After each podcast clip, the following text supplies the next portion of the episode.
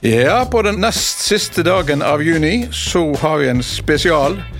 Og det er spesielt i den forstand at vi snakker med familien Børsheim fra Ulvik.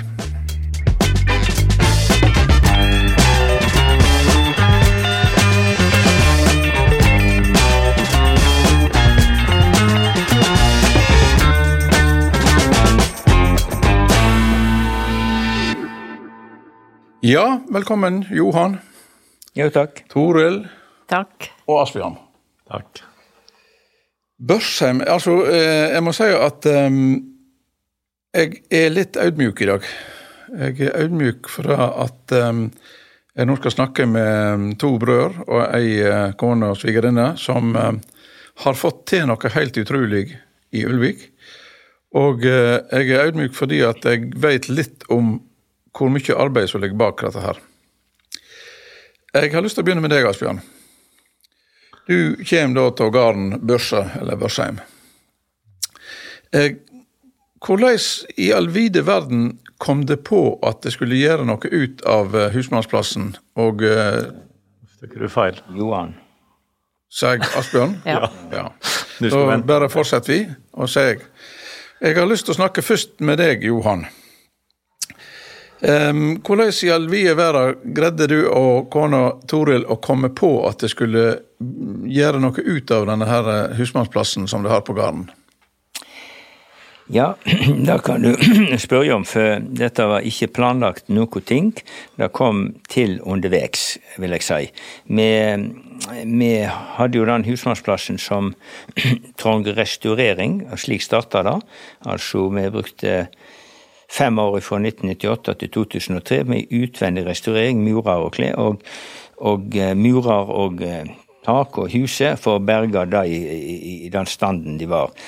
Nå var det jo slik at eh, taket var berga fra 1972, da far min la platetak på det lak, og så huset sto der, murene ble litt dårlige, og så satte vi i gang der, og så etter det så tok vi indre opprusting, velte til noe inne i husmannsstua uten å ødelegge for mye med kjøkken og vann og bære strøm og slikt, og i 2006 da var vi klar med det. Da ja, om det var Toril eller jeg, eller, da kom det liksom opp kanskje vi skal lage til noe her i tunet. Og så ble det, og vi kalte det husmannsstovetreff. og så inviterte vi, og den første som var der i 2006, da, var Guttorm Rogdaberg fra Agatunet, statsstipendiat, og vi utfordra han til å fortelle litt om husmannen. Så han laga et kåseri, vil jeg si, en fortelling, ca. på en halvtime, og han sto på en liten platting mellom Staurala og, og Mostovo. Og da kom vel en 150 stykker, tenker jeg, og det var svært interessant. Og eh, ja, det var starten. Så Guttorm Røglaberg var første mann som gjorde, hadde opptreden på i Kvemmadokket. Ja. Men Toril, eh, når han, eh, Johan sier at eh, kanskje vi skal finne på noe, så, så ligger det jo, må det jo ha leie ei underliggende interesse for kultur. Ja, og kanskje historie. Ja. Ehm, Det er vel slik at eh, både nåværende og kanskje kommende generasjoner har litt sånn godt å, å kjenne litt til hvordan livet var før. Og vi tenkte jo litt på at det her eh, er det viktig å kunne vise fram, spesielt for de unge, tenker jeg da, som er lærer, av at de kan være kjent med at livet har ikke vært like enkelt alltid, og folk måtte klare seg med litt mindre, i mindre kår. Ja. Og da mente vi at denne her plassen her kunne være kjekk å bruke i den sammenhengen. Og det har jeg gjort. Men, men eh, eh, sette i gang med noe. Det var jo ikke bare bare fordi at altså, du er Toril, er lærer, Johan er dyrlege og hadde vel en voldsom uforutsigbar hverdag. Du visste vel aldri omtrent når du skulle jobbe eller hvor du skulle jobbe. Hvordan gikk det i hop med å lage til arrangement? Ja, eh, det var ikke like travle dager alltid, men de var så å si litt uforutsigbare, uforutsigbare. Og det var jo god planlegging, og planlegging i god tid på slike ting. Det var vel nøkkelen her.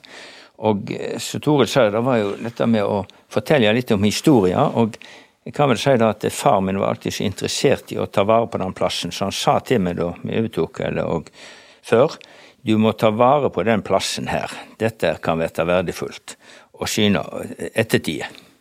Ja. Men etter hvert så har det jo utvikla seg til konsert, store konserter. Hvordan kom den eh, tanken opp? Og det er jo et dristig foretakende?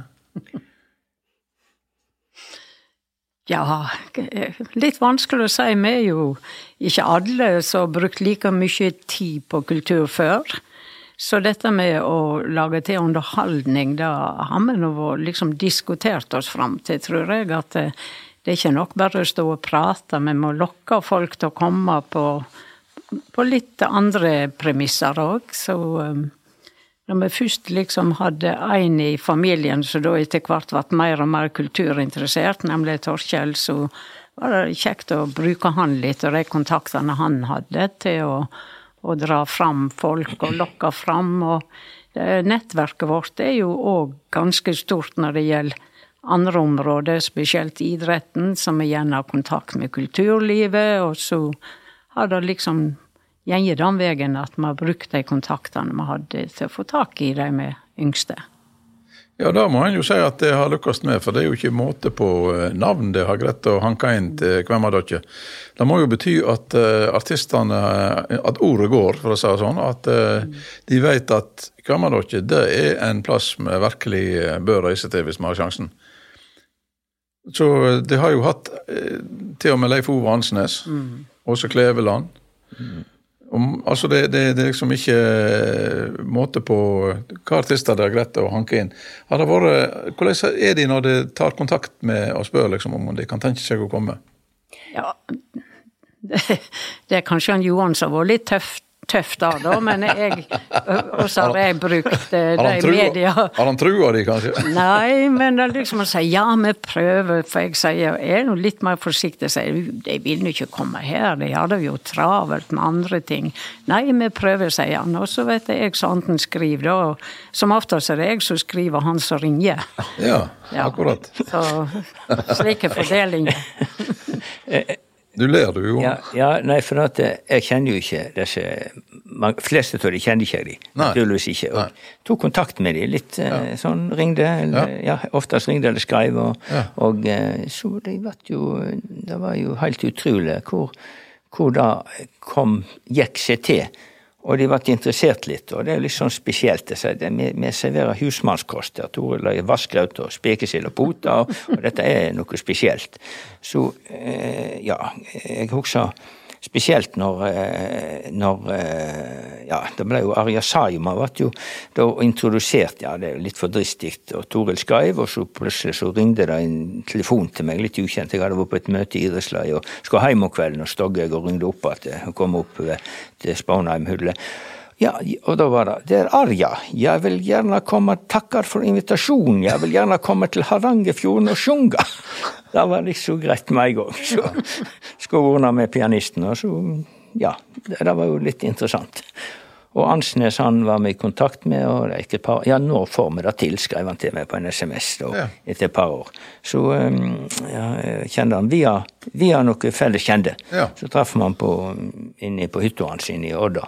Og ja, i det hele tatt så har de vært fantastiske, disse artistene vi har hatt kontakt med. Og absolutt ikke hva skal jeg si, ja, nykker og sånt, det, det vil jeg si av har vært svært lite av folkelige. Og det er det som kjennetegner en god artist. De er folkelige. De trenger ikke ja, De trenger på en måte ikke bruke andre ting. For. Nei, nei. nei. Akkurat. Kort og godt. Ja. Hvordan, eh, hvordan, eh, reagerer de når de har vært der? Hva er tilbakemeldinga de får? Ja, de har jo trivst godt. Det ja. tror jeg godt. Og de har følt at de har vært Ja, de har trivst godt, og det er en helt spesiell plass, her, de, og konsert. Og det ser Ansnes òg. Det er det jo, definitivt. Men eh, på disse her eh, kveldene så har de jo òg matservering og mat og drykk. Mm. Og eh, da, eh, Asbjørn, da eh, har vel du en finger med i spillet når det gjelder drikken, iallfall? De har jo lyst til å ha litt lokale varer, da. Sånn at eh, både eplemost og sider etter hvert har eh, blitt servert på Glemmerdokje. Ja. Eh, hvor, lange, hvor mange år har du eh, drevet på med denne siderproduksjonen din? Ja, offisielt, eller ja, Der er vel nesten siderproduksjon på hver gard, sånn er det jo offisielt. Men, eh, men jeg tenker noe mer som en Ja, nå jobb sånn. Ja. Altså, nå er det jo ti-tolv år, Ja. kanskje, rundt. Eh, Men jeg må jo si at eh, interessa skaffa jo jeg heimante og gjennom litt sånn Ja. interesse. Og for å si, far min lagde jo egentlig god sider. Han lagde to Trøydel Gravenstein og én Trøydel Torstein, så han har vært interessert i sorter òg. Så eh, jeg må si at jeg kanskje hadde med en liten prøve av og til, hvis det var på ungdomshuset. Og den faller i smak? Ja. Nettopp. Men Torsteineple, eksisterer det ennå? Jeg har planta litt Torstein, men ellers eksisterer ikke det så mye. Nei. Nei. Er, jeg har en følelse av at det er en del av disse gamle eplesortene som jeg husker fra min barndom, som ikke er gode å få tak i lenger. Jeg hadde jo et tidligere liv som rektor før jeg begynte her. og Da var jeg med og samla inn 100 eh, gamle eplesorter da, Ja. i slutten av 90-året. Midt i 90-året. Så da ble jeg òg interessert i det, så jeg har jo planta flere av gamle eplesorter. Så totalt har jeg over 20 eplesorter. da. Akkurat. Men, eh, men hva eplesorter er det du bruker mest i produksjonen? Det er jo mest de vanlige sortene. Kanskje Gravenstein er et veldig godt eple til sider. Og eh, de vanlige konsumeplesortene. Og Det er jo derfor Hardanger er blitt så framme på siderproduksjon at vi kan bruke de vanlige eplesortene pga. det kjølige klimaet. F.eks. en Gravenstein som heter Gråstein i Danmark, kan du ikke bruke til sider i Danmark, men i Hardanger. Og Da får vi brukt opp hele avlingen, det som er fråsortert òg. ja riktig. Eh, Hvordan, eh, hvordan reagerer Ulvik på, på det at det nå er blitt en slags eh, siderhovedstad?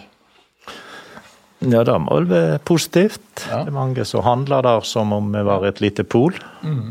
Og eh, jeg var jo med og fikk med meg Nils til Normandie i 2003. Vi hadde kjøpt en gard som var til nedfall, så vi måtte vente litt. Men han satte i gang året etterpå. Ja. Kom, vi kom på polet i 9-10, og da var det vi i Ulvik som var de første. Vi var bare to i Hardanger helt til 2013. Akkurat. Ja. Hvor mange produsenter er det som eh, leverer sånn offisielt nå? Nei, nå er vi i siderlaget i Hardanger 23. Ja. Og totalt har det vokst i Norge òg, så nå er det rundt 40-45 totalt. Akkurat. Men allikevel har Hardanger 85% av produksjonen som er levert på Vinmonopolet. Det er nesten en applaus verdt, holdt jeg på å si. Jeg har jo veldig kjekt og fulgt med på utviklingen. og Jeg har jo vært leder siden fem og trappa av i vinter, da. Så eh, det ser ut til å gå i de beste hender videre. Ja, ja. Eh, hender det at du får negative reaksjoner? Jeg tenker på fra avlsrørsler og sånne folk at eh, de tenker at eh, dette her er ikke bra å lage alkohol. Det er egentlig svært lite. Ja. Vi hadde jo en eh, altså vinspesialister rundt i fjorden i 2003. Og da var de klare i meningene hvordan vi burde drive. Vi måtte få ned alkoholprosenten. Ja. For da far min og andre drev på 14% i kjelleren før, til 6-8 ja. Sant? Dette er jo et mer lågalkoholprodukt. Det er der eplesmaken ligger. Det er den vi skal selge som et reiselivsprodukt, og ikke alkoholen vi skal legge vekt på. Dette husker jeg du har sagt før jeg har snakket med deg, at det er ikke alkohol som er det viktige. Og det er heller ikke Altså, den beste siden ligger på 6-8% Ja, Og at vi tenker mer mat etter hvert, at den kan brukes til mat. Nettopp. Men så lager du òg eh, alkoholfrie produkt. Ja da, det var det jeg starta med. Ja. Og der er mange variasjoner òg. Hvordan eh, er markedet der? Nei, det har òg vært økende. Ja. Så eh, det er flere og flere som tar det lokalt i bruk. Og det er veldig kjekt at det, eh, i starten var ikke de lokale reiselivsaktørene så mye med, men nå er det jo full fart Akkurat. på bruk av lokale produkter over hele linja. Ja. Det har jo den sideruta som eh, Men kommer det ofte, når det kommer cruisebåter og sånt inn, kommer de da eh, opp i tunet og skal prøvesmake? og Cruisebåter er ikke det viktigste. Nei. Det er den norske turisten som de siste åra kommet mer og mer. Og det er de som har lyst til å vandre og ga, som er mer og mer faste gjester, og det øker på. Og det, det å få ei oppleving, det er det de er ute etter. Ja, Og så kan de handle med seg litt. riktig. Det blir jo fortalt at uh, blir uh, stoppa på Venter på si når de skal gå i land og får beskjed om at de får ikke lov å handle noe. De får ikke lov å ha med så mye inn i båten igjen. Nei, nei, akkurat. Men eh, eh, samarbeidet med Toril og Johan, når uh, kom det i gang med det her med mat og drikk på, i Kvemmarøkje? Det kom vel i gang eh, nesten med en gang, tror jeg. Toril inviterte meg opp. Eh, Johan hadde jo sitt å styre med. Men hun tenkte mer på mat og drikk. Han tenkte på alle artistene og arrangementet og hvordan det skulle i land, og alle stoler skal på plass. og Det er et helt, det er et helt luft, så jeg er imponert av dem. Ja. Eh, imponert er bare før- førbokstavene, holdt jeg på å si. Johan, du- fer jo som en uh, røyskatt rundt der når eh, denne kvelden er. Men uh, det er jo en del forbereding. Eh, ikke minst dette her som Asbjørn snakker om, med alle stolene som skal ut og alt eh, som skal lages til. Men hvor mye folk har det vært på det meste på det, i Kammerløkje?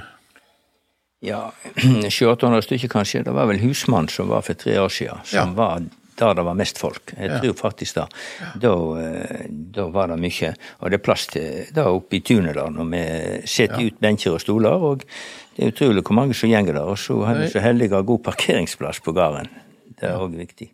Det er jo som en slags eh, naturlig amfi oppe i bakken der, så eh, folk sitter jo oppover mot, helt opp mot beitet.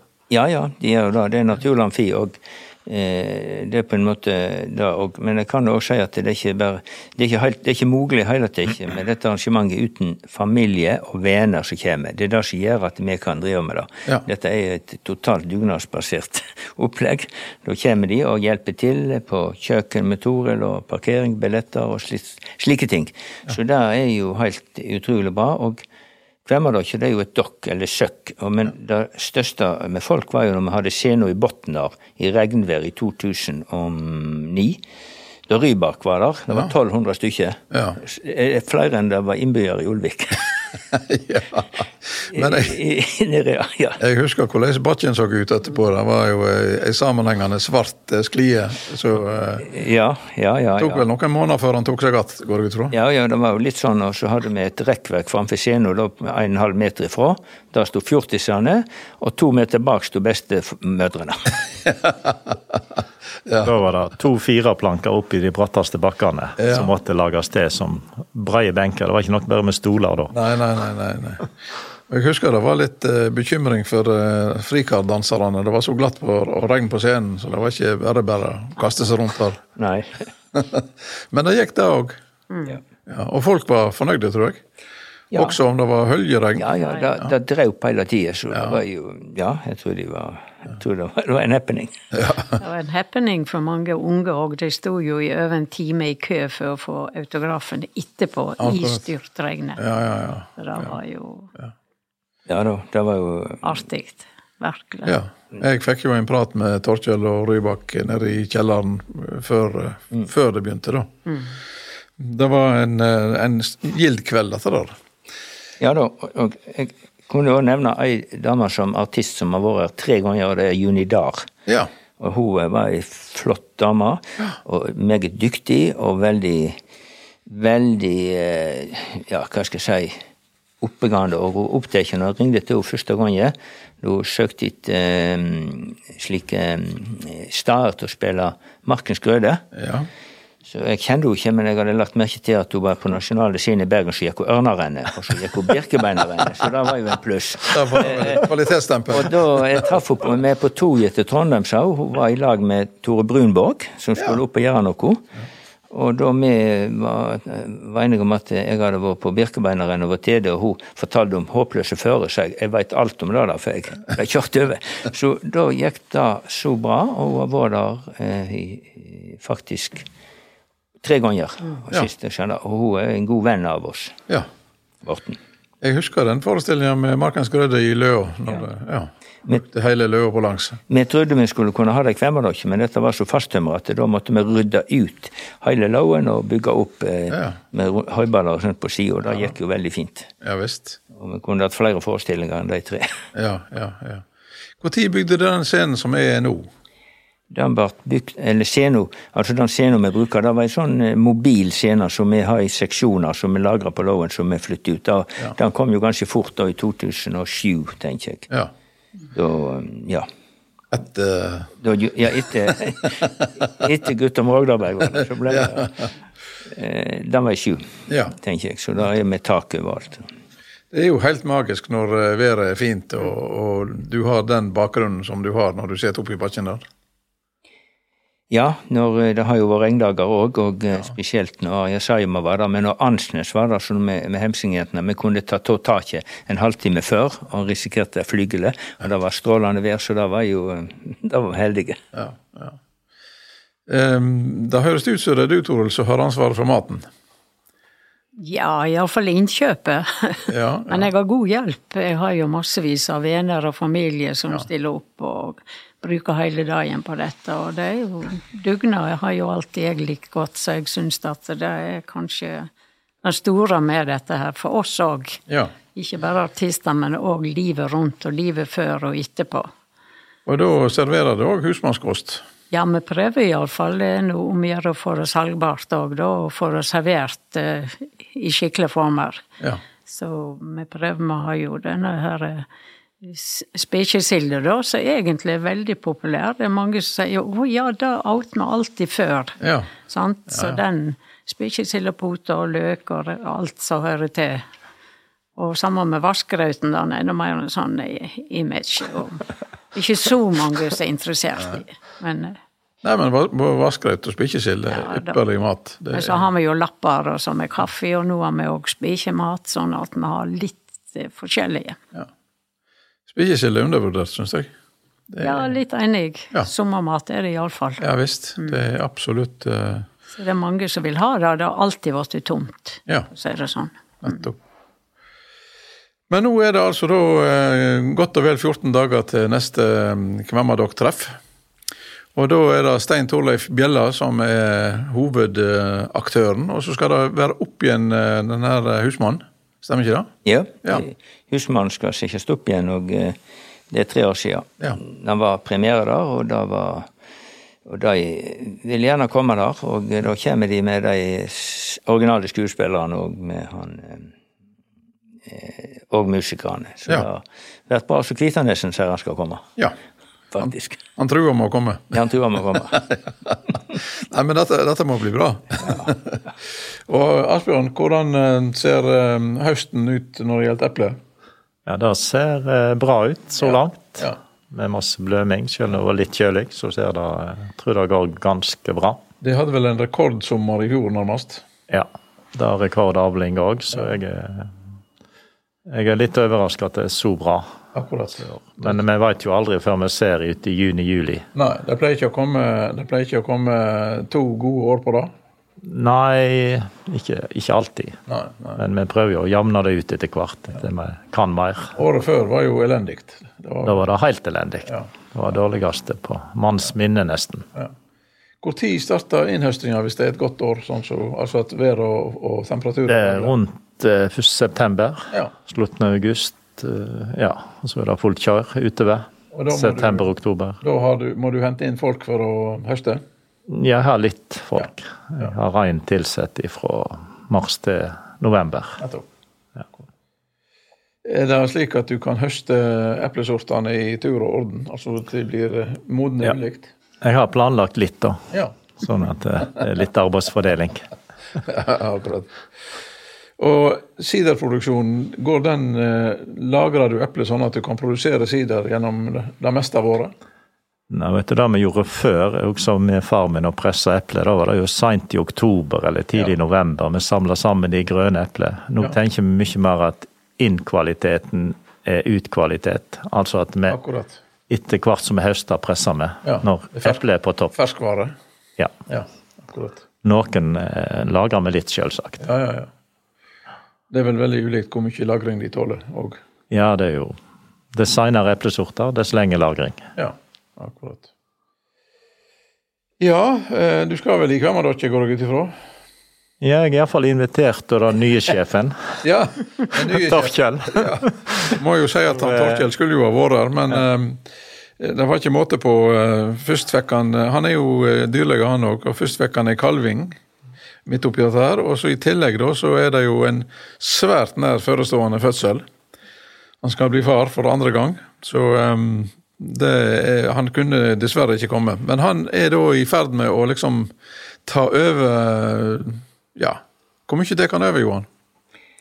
Eh, Ja, eh, egentlig alt, for det var han som bestemte hele programmet her i år.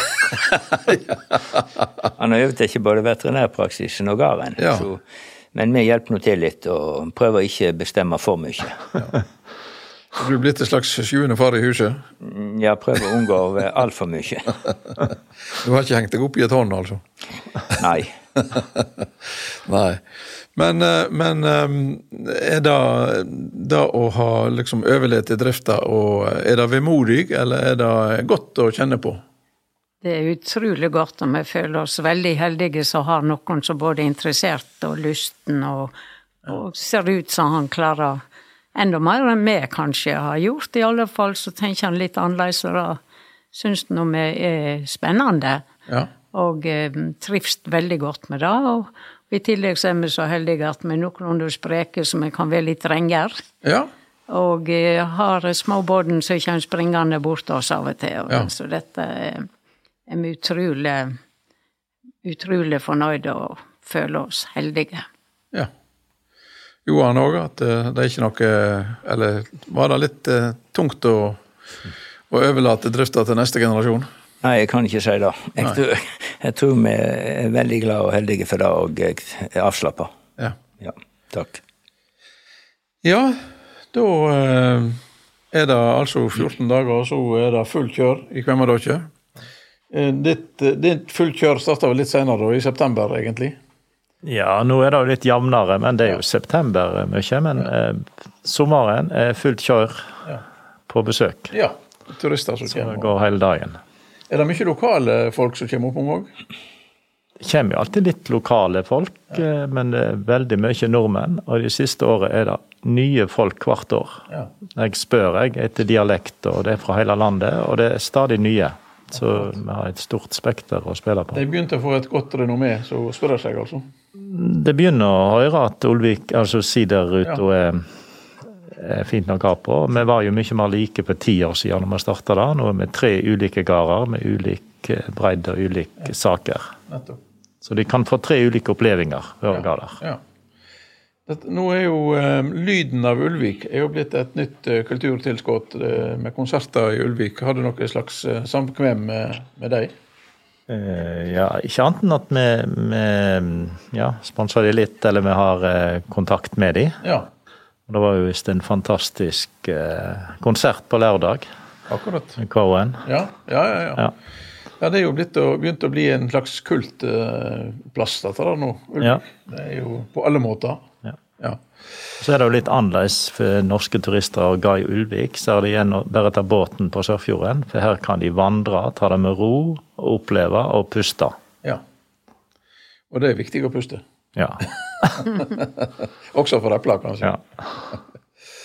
Johan, um, den veien opp til børsa er ikke av de breieste. Eh, og der eh, Jeg har jo mange ganger blitt eh, stående fordi at det kommer biler imot, og det er litt sånn der, og spesielt da på, på denne her kvelden når det er mange som skal inn, og en og annen som skal ut. Så er det jo Men ehm, det er vel en, en vei som Han går ikke lenger enn til dere, vet jeg. Nei, ikke annerledes enn går en skogsvei videre, da. Ja. Men han går bare til og Han ble- jo bygd Hadde en lang bytid fra 1949 til 1964. Du. Men han er flat og fin, og Ja. smal. Slik at under arrangementet så har vi jo eh, vakt bort med veien med Våki og vakt der, for å prøve å slippe ut igjen de som skal ut igjen. Men han er smal, noen få møteplasser er det. Men han er nett smal, men eh, du kan kjøre vogntog bort. og buss. Men han, er flat, 1 på 20. Ja. Så det er en god vei. Ja. Yes, nei, men da er det bare å ønske hjertelig til lykke med både eh, med, med treffet og eh, ikke minst med siderhøsten. Takk. Så blir det et godt år for hele Ulvik, og for alle andre. Hjertelig takk.